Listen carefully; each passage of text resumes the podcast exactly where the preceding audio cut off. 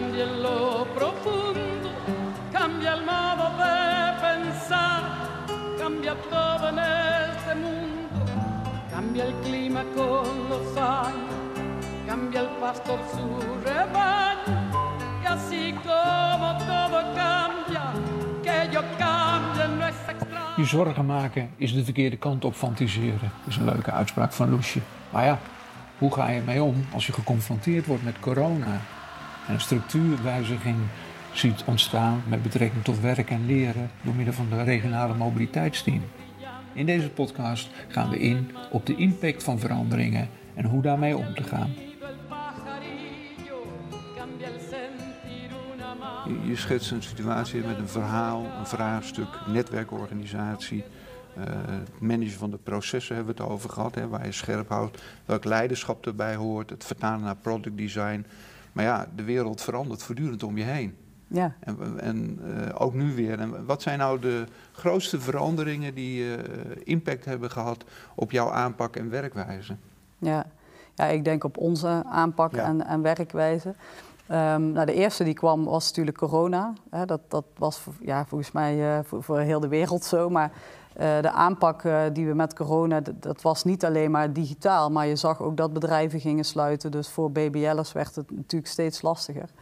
Eh, dus dat was eigenlijk de eerste, ehm, ja, de eerste moment van reflectie wat we hebben gedaan. Van wacht even, eh, je ziet eigenlijk dat werkgevers, ehm, ja, die hadden mensen nodig. ehm, en ook net na de corona, of nou ja, na de corona, maar toen de coronamaatregelen zeg maar steeds minder weer werden en de bedrijven weer meer open gingen. Toen eh, zagen we eigenlijk in tegenstelling tot de verwachtingen dat de arbeidsmarkt super, super krap is. En ehm, dat, dat die werkgevers zeiden van ja, maar wij, wij willen eigenlijk graag dat die mensen gewoon die extra dag komen werken. En die mensen zelf, ook ehm, door de inflatie, die wilden zelf ook graag die extra eh, dag werken om gewoon meer inkomen te hebben. Dus dat, waar, dat waren wel eh, twee momenten wa- waarin we echt met elkaar ook hebben gekeken van, nou ja, wat gebeurt hier nu in de buitenwereld? En wat vraagt dat van ons in het bijstellen aan de binnenwereld om goed aan te blijven sluiten bij de vraag van werkgever, maar ook van de kandidaat zelf. Hm.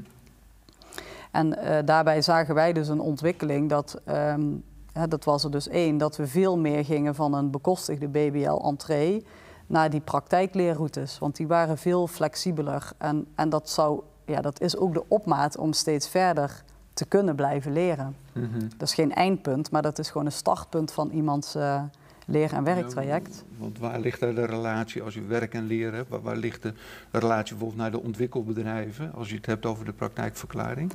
Ja, de sociale ontwikkelbedrijven bedoel jij, Willem, denk ja, ik. Ja. Ehm, ja, de relatie die daar is, is dat, dat zij eh, dat bijvoorbeeld een praktijkverklaring heel erg kan helpen bij de mensen die in een sociale werkvoorziening werken.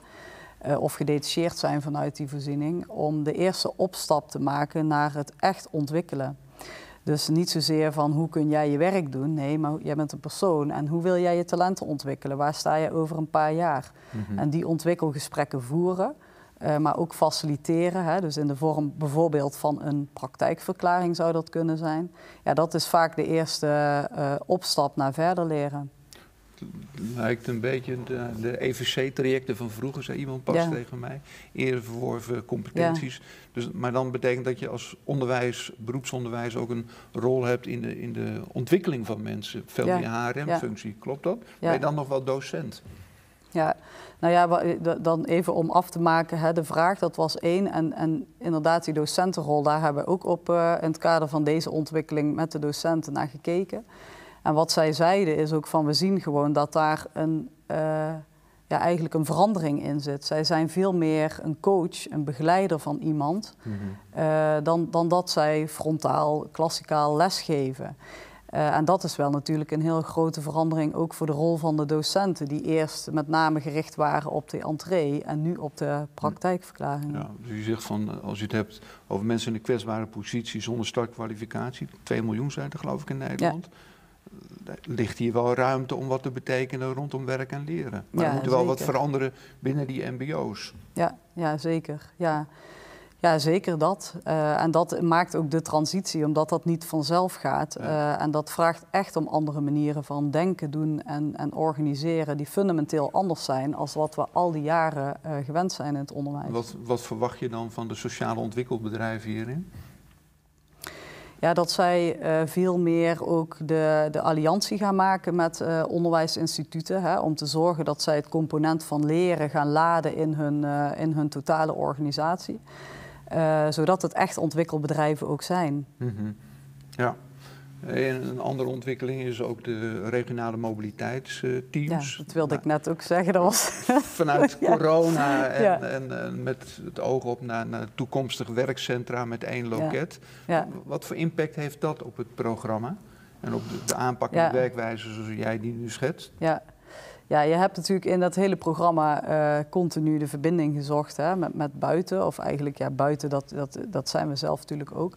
Uh, maar wat je zag ten tijde van uh, de komst van de regionale mobiliteitsteams, is dat daar in, dat in één keer zeg maar, iets veranderde in, in de omgeving. -hmm. uh, dus daar hebben we echt onszelf toe moeten verhouden. Hè. Dus de, re de, regels werden weer anders. Hè. Voorheen werden die praktijkverklaringen bijvoorbeeld gefinancierd door de perspectief op werkmiddelen. En in één keer werden de spelregels anders. werden er, moesten er toetsen komen op verliggende voorzieningen.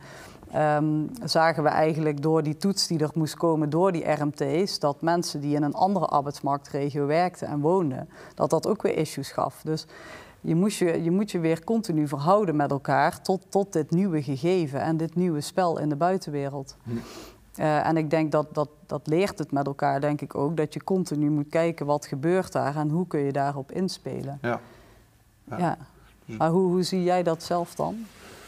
Nou ja, je ziet aan de ene kant een, uh, toch bij de inrichting van die RMT's en die uh, werkcentra een, een, taakgerichte aanpak in plaats van een vraaggestructureerde aanpak uh, daarin.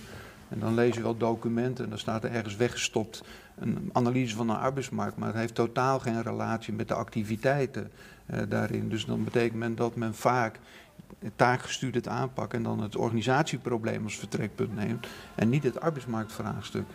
En dat, ja, dat is de grootste verschillen die er zijn als je het hebt taakgestuurd, een vraagstuk gestuurd.